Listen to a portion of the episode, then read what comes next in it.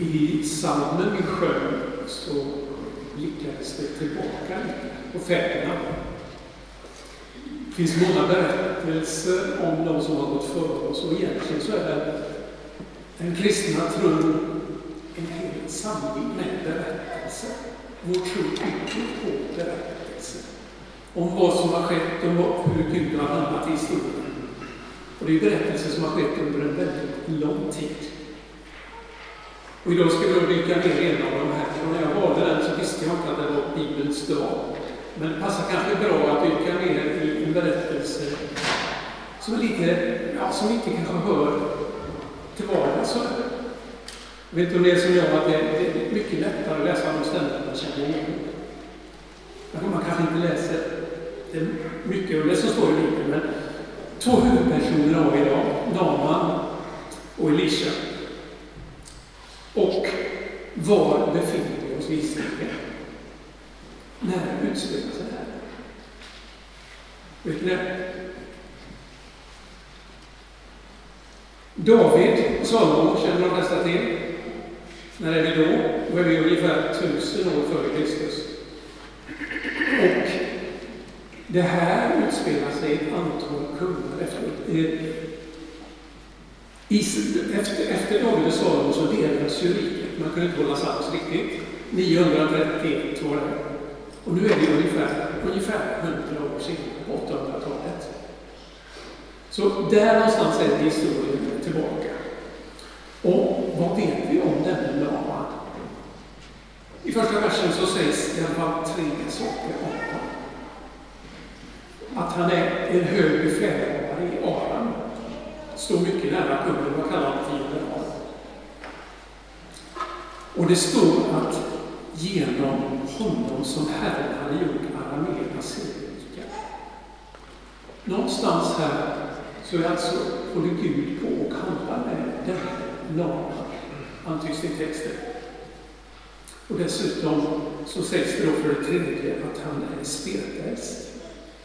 Och om du funderar, vilket jag gjorde när jag läste den här, så säger de som är lärare i språket att den här spetälskan kanske inte är det som vi tänker speltexter, för då fick man inte umgås med folk, utan man, det var troligen en annan sjukdom. När vi går vidare nu, om det här hade varit en film, vad hade hänt då? Jo, då hade man nog zoomat in på köket. Och så ser man där en liten flicka som står och gör någonting.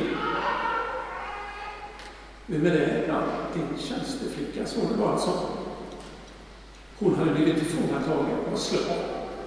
Tillfångatagen och tjänstgjorde i Namans hus.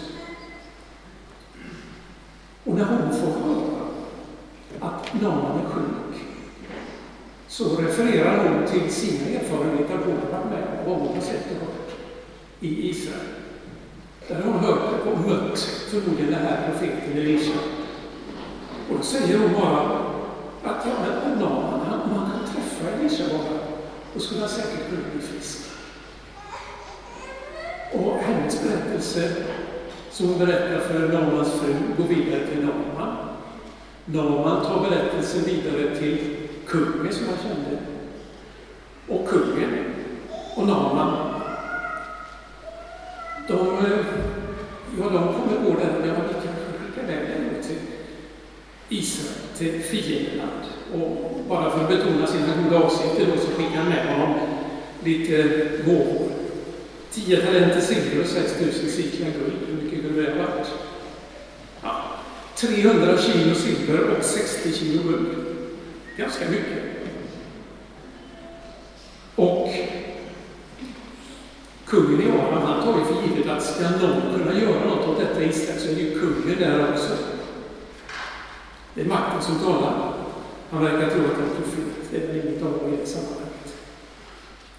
Så därför skickar han med ett brev, som vi hörde, till kungen i Israel och så ber han honom att ja, du kan väl se till att han blir frisk nu här.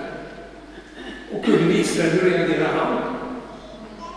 Han blir givetvis rädd och tänker, vad är detta för någonting? Jag, jag kan inte bota honom från spetälska. Han är säkert ute efter något lurigt, kanske vill komma i strid med mig.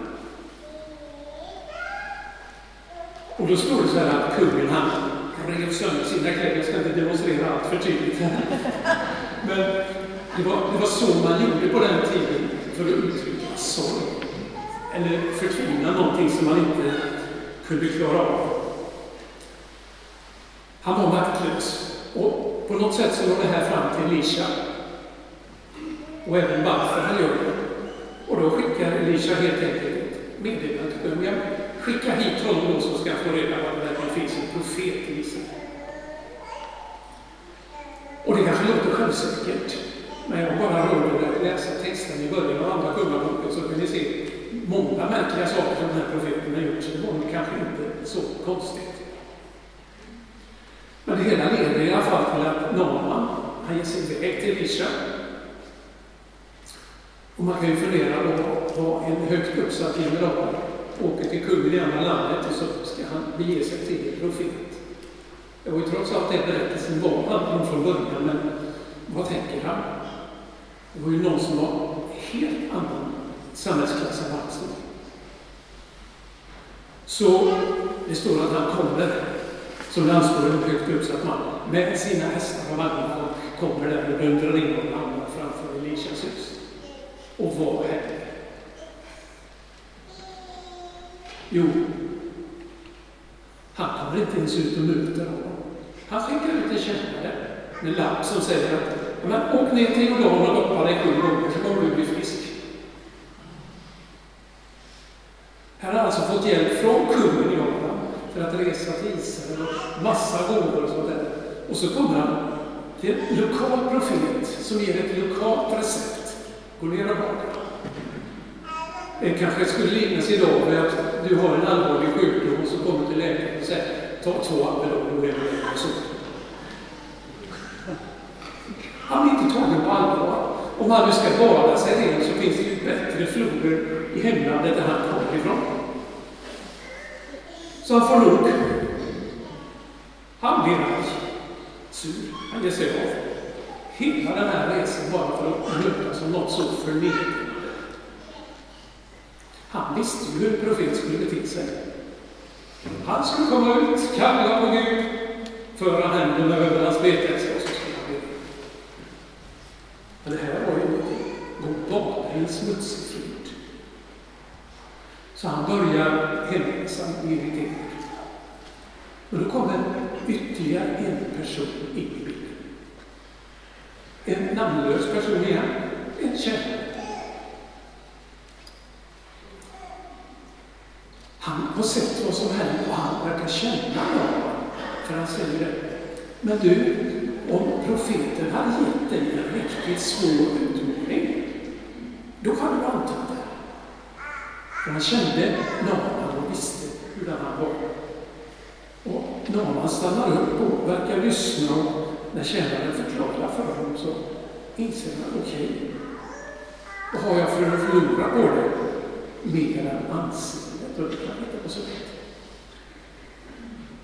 Jag tänker att det var hans kanske största utmaning där, att som general gå ner vara i en flod på rollen av en lokal profet. Men han gör det, och vad händer? Han blir frisk. Och hans reaktion, det hände något radikalt med honom här. Han som har varit så irriterad över Elisha vänder tillbaka till honom och konstaterar, nu vet jag att det inte finns någon Gud på jorden utan Gud i Israel. Och som ett tack så vill han ju då ge Elisa gåvan, men Elisa vägrar ta emot. Ett tips. Om ni vill höra resten av berättelsen så gå hem och läs Andra Kungaboken 5. Då får man reda på en tjänare som är lite sniken och som råkar väldigt illa ut. Den tar inte nu. Och jag, jag är fascinerad över att se de här stegen i denna berättelse. Alltså, en sjuk man, han vill bli frisk givetvis. Och det är en enkel tjänarinna, en slav i hans hushåll, som berättar någonting, som berättar för frun, som berättar för Naman, som berättar för kungen. Och där händer någonting. När det kommer till makten så tolkas det hela om. Någon slags omväg.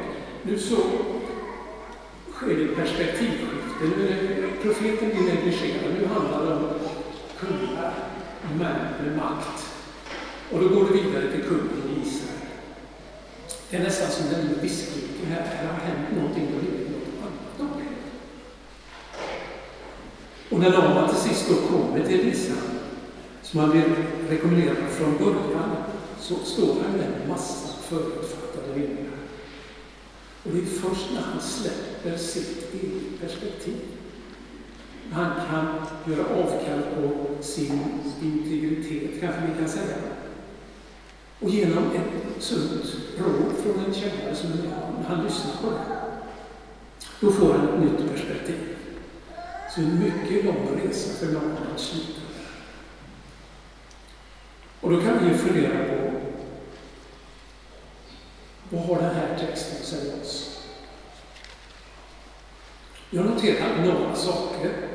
Först rent allmänt så tycker jag den här texten ger exempel på att personer i ledarställning, personer med makt, kan ofta ha svårt att ta till sig andra perspektiv än sina egna. Jag tror att det är en utmaning till alla oss som är i någon form av ledarställning, att vikten av att lyssna till alla. Det är inte självklart att den som är ledningen alltid har det rätta perspektivet. Och här skulle vi kanske lätt kunna gotta oss om personer med höga maktställningar i vårt samhälle som inte har förmåga att lyssna. Det vore inte så svårt. Men jag tror att vi glömmer det och tänker på vår egen situation. Oavsett var jag befinner mig, vilken roll jag har. Vikten av att lyssna och vara lyhörd, det tror jag är viktigt. Vi hörde ju att kyrkoårets tema är Jesus skapar tro. Man försöker närma sig den här texten från det perspektivet. Jag tänker först på tjänsteflickan som var slav hos någon i hans hus. Vad gjorde hon egentligen? Ja, hon såg situationen där. Hon såg att någon var sjuk. Hennes erfarenhet så att ja, jag tror jag vet en som kan hjälpa. Och så berättade hon det. Och det var så att säga starten på en väldigt lång kedja. Så kanske det kan vara för dig och mig också. Vi kan bara berätta om det vi har sett, det vi har hört, om vår tro, det vi har varit med. Vi behöver inte se alla stegen vad som händer med människa. utan vi får lita på att det vi gör, det kan fungera. Kanske en dålig liknelse som jag kom på just nu, men covid när det spreds. Det gick från person till person. Vi vet inte var det började, men det fick en förskräcklig konsekvens. Men kanske det kan vara så när du och jag berättar om någonting som hänt oss, så kan det få väldigt stora och positiva konsekvenser. Och en sak jag tänker på, så tänker jag också på när man gör en väldigt lång resa när man från början hör att Gud har varit med gett honom seger och efter mycket om och men så hedrar Gud honom. Jag tror att Gud är med oss. Men han lever inte alltid självklara, raka mittgången kanske. Vägen kan vara lång och krokig. Det blir inte alltid som vi har tänkt, inte alltid som vi önskat. Vi kan gå igenom torrtider, ökenperioder. Men det kan också vara som för någon att när vi väl kommer igenom så får vi ett helt annat perspektiv. Men det jag tänker på är just att vägen till tro kan vara och krånglig. Och för att avsluta här, när jag har suttit med den här texten och tänkt på Jesus så så dök bilden upp av Jesus som en magnet. Jag har ingen aning om varför den dök upp. Men den där liksom kom till mig, jag funderade på den.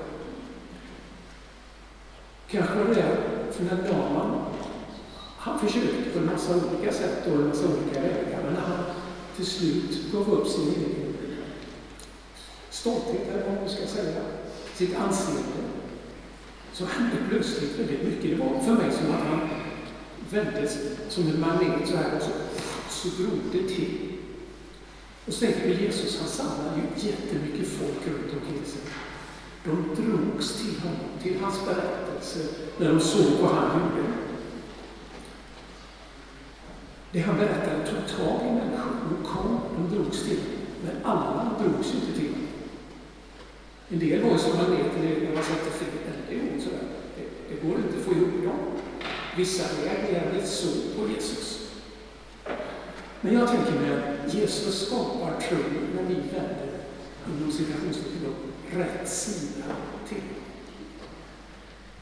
Vi är skapade för att leva i gemenskap med Gud. Och när vi på något sätt vänder, hittar den sidan och vänder den mot Gud så kommer vi att dra oss mot Jesus. Vi kommer att dra oss till honom. Jesus skapar tro när vi vänder oss till Gud och likt Naman till slut kan lyssna till honom. Låt oss be. Jesus Kristus, du som gav oss många berättelser som en del av den stora berättelsen. Tack för ditt ord. Och att du där ger oss hemligheter, ger oss vägar, ger oss sätt att förstå dig. Tack för att vi får mötas idag, lyssna till ditt ord, lovsjunga dig och rikta blicken mot dig.